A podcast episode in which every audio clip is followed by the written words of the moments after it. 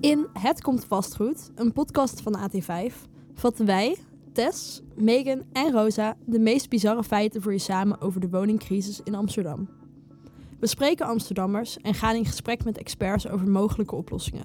Want één ding is zeker: met onze stad komt het vastgoed. In deze aflevering gaan we het hebben over discriminatie op de woningmarkt.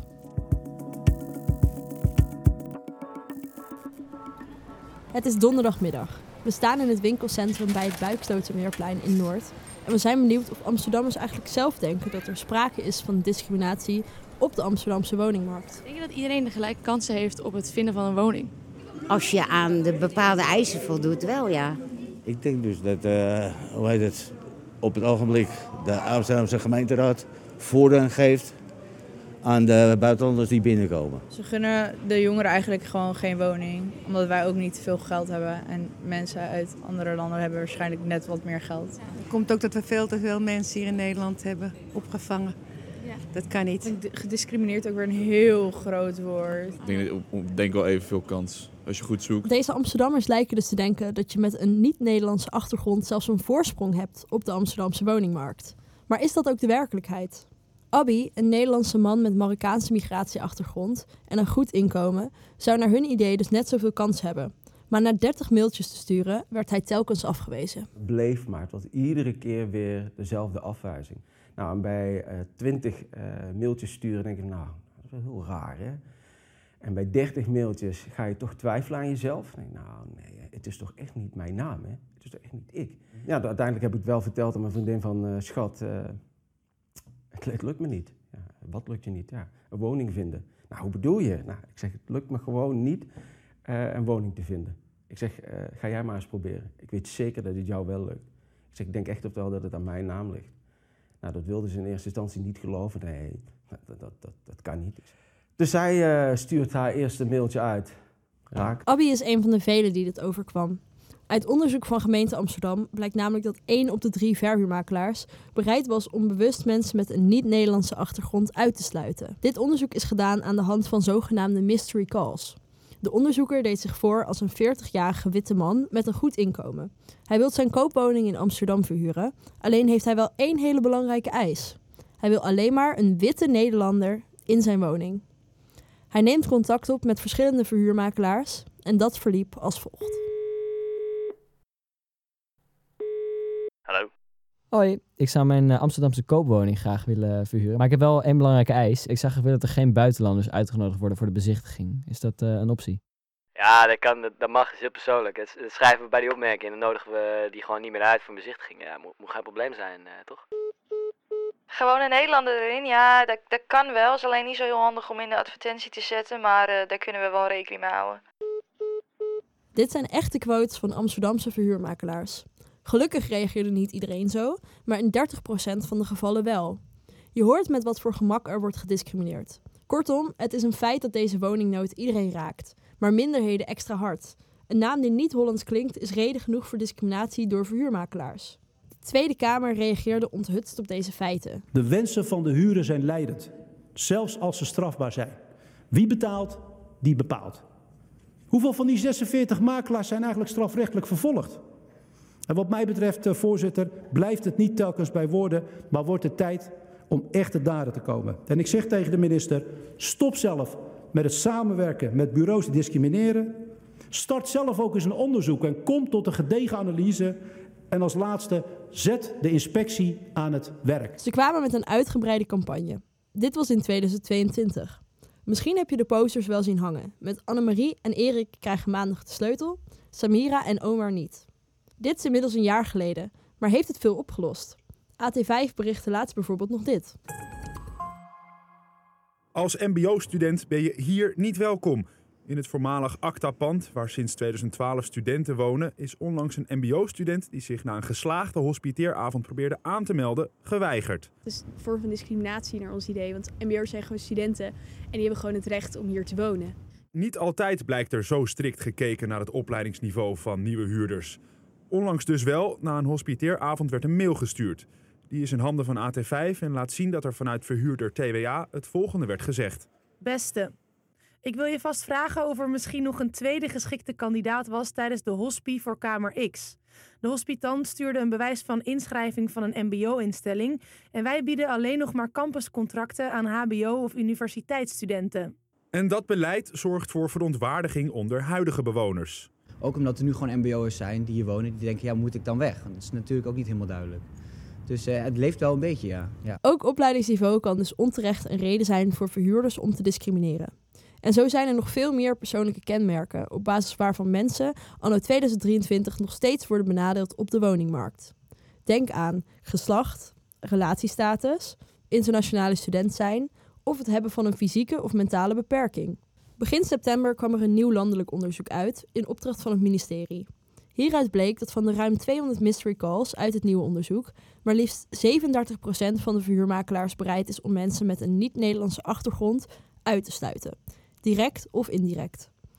Het was de derde keer dat deze landelijke monitor discriminatie bij woningverhuur uitkwam, maar de cijfers zijn dus opnieuw schokkerend. Wij gingen in gesprek met Andrew Britt, een van de onderzoekers die meewerkte aan deze monitor. Hoe verklaart hij deze resultaten en wat kunnen we ermee doen? Hallo Andrew, met Megan. Hoi Megan. Kun je voor de luisteraars nog eens samenvatten wat eigenlijk het doel was van dit onderzoek? Wij testen of er mensen daadwerkelijk worden achtergesteld in de praktijk als het gaat om de kans om uitgenodigd te worden voor het bezichtigen van een huurwoning. Uh, dus we kijken of er ongelijke behandeling optreedt, die gebaseerd is op, op achtergrondkenmerken van mensen zoals uh, hun naam, waar ze vandaan komen, hè, of hun seksuele gerichtheid. Wat zijn voor jou de meest schokkende resultaten geweest?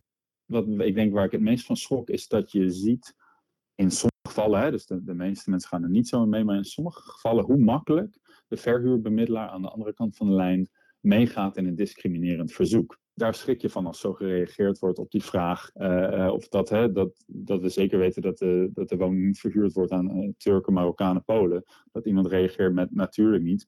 Dat willen wij ook niet. Ja, ik had een uh, quote die ik misschien nog even wilde bespreken uit het onderzoek. de quote is: Als ik jou twee Polen geef die zitten op het platteland ja, met twee ja, gouden tanden bier te zuipen, dan weet je dat, dat je morgen je woning gesloopt is. Ja, dat is niet heel empathisch. Precies. Schrikt dus van hoe makkelijk soms uh, verhuurbemiddelaars meegaan met het verzoek.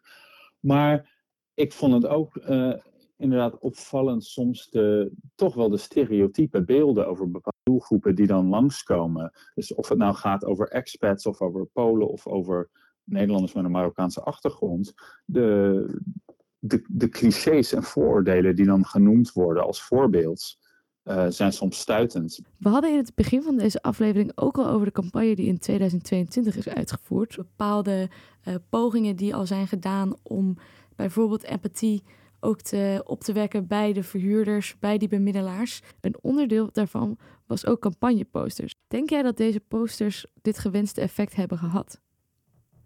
Ik denk lastig. Ik, ik, ik denk dat de posters uh, zoals ze waren, die doen een, een, soort beroep op, um, op je empathie. Hè? Dat je dat dan als, als uh, persoon, als, als, als verhuurder leest en denkt, oh ja, oh wat, wat vervelend, dit kan inderdaad echt niet. Maar de vraag is, kijk, um, sommige mensen door, door, door ervaringen zullen ze misschien bepaalde groepen echt daar gewoon een, een negatief beeld van hebben. En daar werkt zo'n poster waarschijnlijk minder goed op.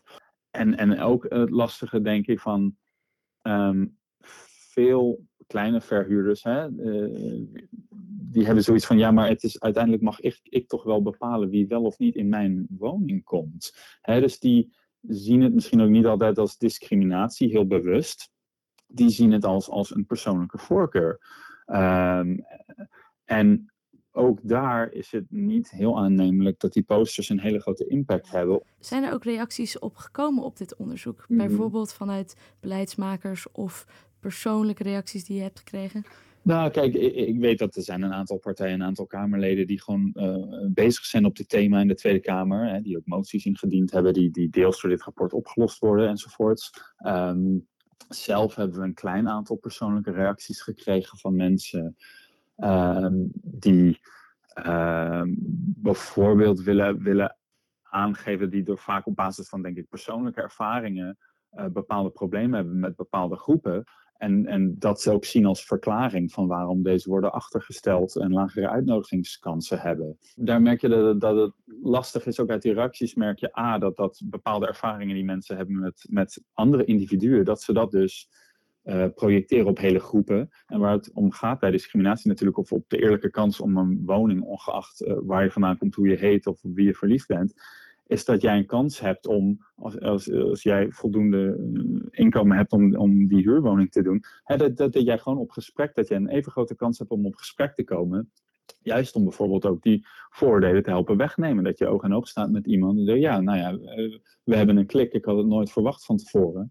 Maar uh, hè, aan jou verhuur ik graag mijn woning. Weet je, die kans, die, die doe je teniet als je um, ja, mensen de kans niet eens geeft om, om te komen bezichtigen. En, en dat is denk ik waar het om draait. Is dat individu een kans wordt ontzegd. En dat hoort niet. Zijn er tips die je een Amsterdammer bijvoorbeeld kan meegeven, um, die zelf um, vaak discriminatie moeten meemaken op deze huurmarkt? Nou ja, kijk, wees bewust, antidiscriminatiebureaus en antidiscriminatievoorzieningen waar je een melding kan doen van een vermoeden van, uh, die bestaan. Maar weet ook dat door die nieuwe wet goed verhuurderschap, dat, dat um, gemeenten zijn echt, echt verplicht om er ook meer rugbaarheid aan te geven. Dat, dat jij dus een melding van ook specifiek discriminatie op dit vlak kan doen. En dat gemeenten erop moeten toezien. Dus als jij uh, afgewezen wordt, terwijl je voldoet aan alle criteria, en er komt geen, geen, geen, geen goede reden waarom, hè, dat, dat is niet een transparante selectieprocedure. En dat is uh, ook niet goed uitleggen waarom een andere huurder is gekozen. Weet je? En als dat jou keer op keer gebeurt, dan, dan uh, heb je een hele goede reden om te vermoeden dat het dus misschien te maken heeft met discriminatie. En dan zou ik er zeker een melding van doen, zodat de gemeente ook um, er wat mee kan. Ja, want onze podcast heet natuurlijk ook uh, Het komt vast goed. Uh, leuk grapje, ja, ja. En discriminatie is natuurlijk ook een lastig onderwerp. Is niet iets waar je zomaar een oplossing voor hebt. Maar um, wat zou een mogelijke oplossing kunnen zijn vanuit uh, gemeente, vanuit de staat? Om, wat, wat kan er gedaan worden met de resultaten van deze monitor? Nou, ik denk dat de wet goed verhuurschap zeker een, een, stap is in de goede richting. Die is ingegaan op 1 juli 2023. Wat voor effect hoopt de overheid dat deze wet gaat hebben? Dat, dat zal sowieso effecten hebben op tal van vlakken, denk ik. Hè. Het wordt, uh, de regels worden uh, strenger uh, rondom wat, wat jou een goede verhuurder maakt op tal van terreinen. Ook discriminatie. Dus je moet bijvoorbeeld als verhuurder en verhuurderbemiddelaar moet je een transparant proces um, hebben. Dus dat betekent dat je uitlegt hoe je tot je keuzes komt. En als je het niet hebt, kan daarop gehandhaafd worden, bijvoorbeeld. Dus dat, dat zijn al echt stappen in de goede richting. En ik denk dat het daardoor interessant zal zien om te zien in hoeverre het uh, volgend jaar, als de monitor weer uitgevoerd uh, zal worden, in hoeverre je discriminatie in deze fase door verhuurbemiddelaars ziet dalen.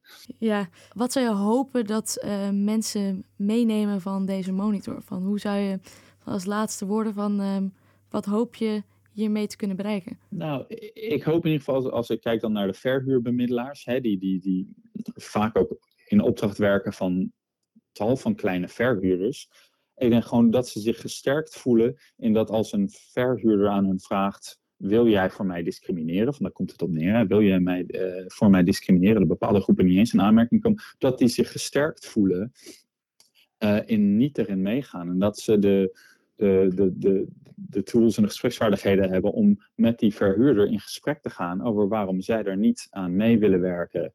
Uh, waarom niet? En dat ze ook die verhuurder kunnen uitleggen dat ook wat die verhuurder vraagt, uh, ook tegen de wet is. Ik denk dat daar in dit stuk van het proces gewoon de meeste winst te behalen valt. Dat meer verhuurbemiddelaars durven zeggen: nee, ik, ik ga hier niet in mee, want en trouwens, het is ook niet verstandig dat u dat zo eh, zegt en dat u zo denkt, want.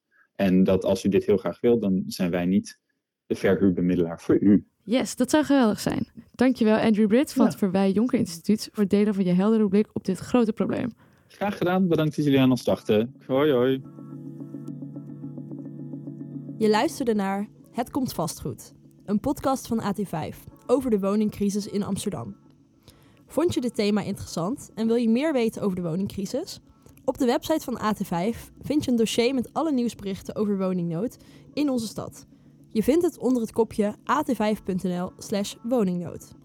Deze aflevering werd gemaakt door Rosa Schopman, Tess Martijn en Megan Voorbraak. Volg ons op Spotify om op de hoogte te blijven van deze podcast. Volgende aflevering behandelen we de dakloosheid veroorzaakt door de Amsterdamse woningnood. Tot dan!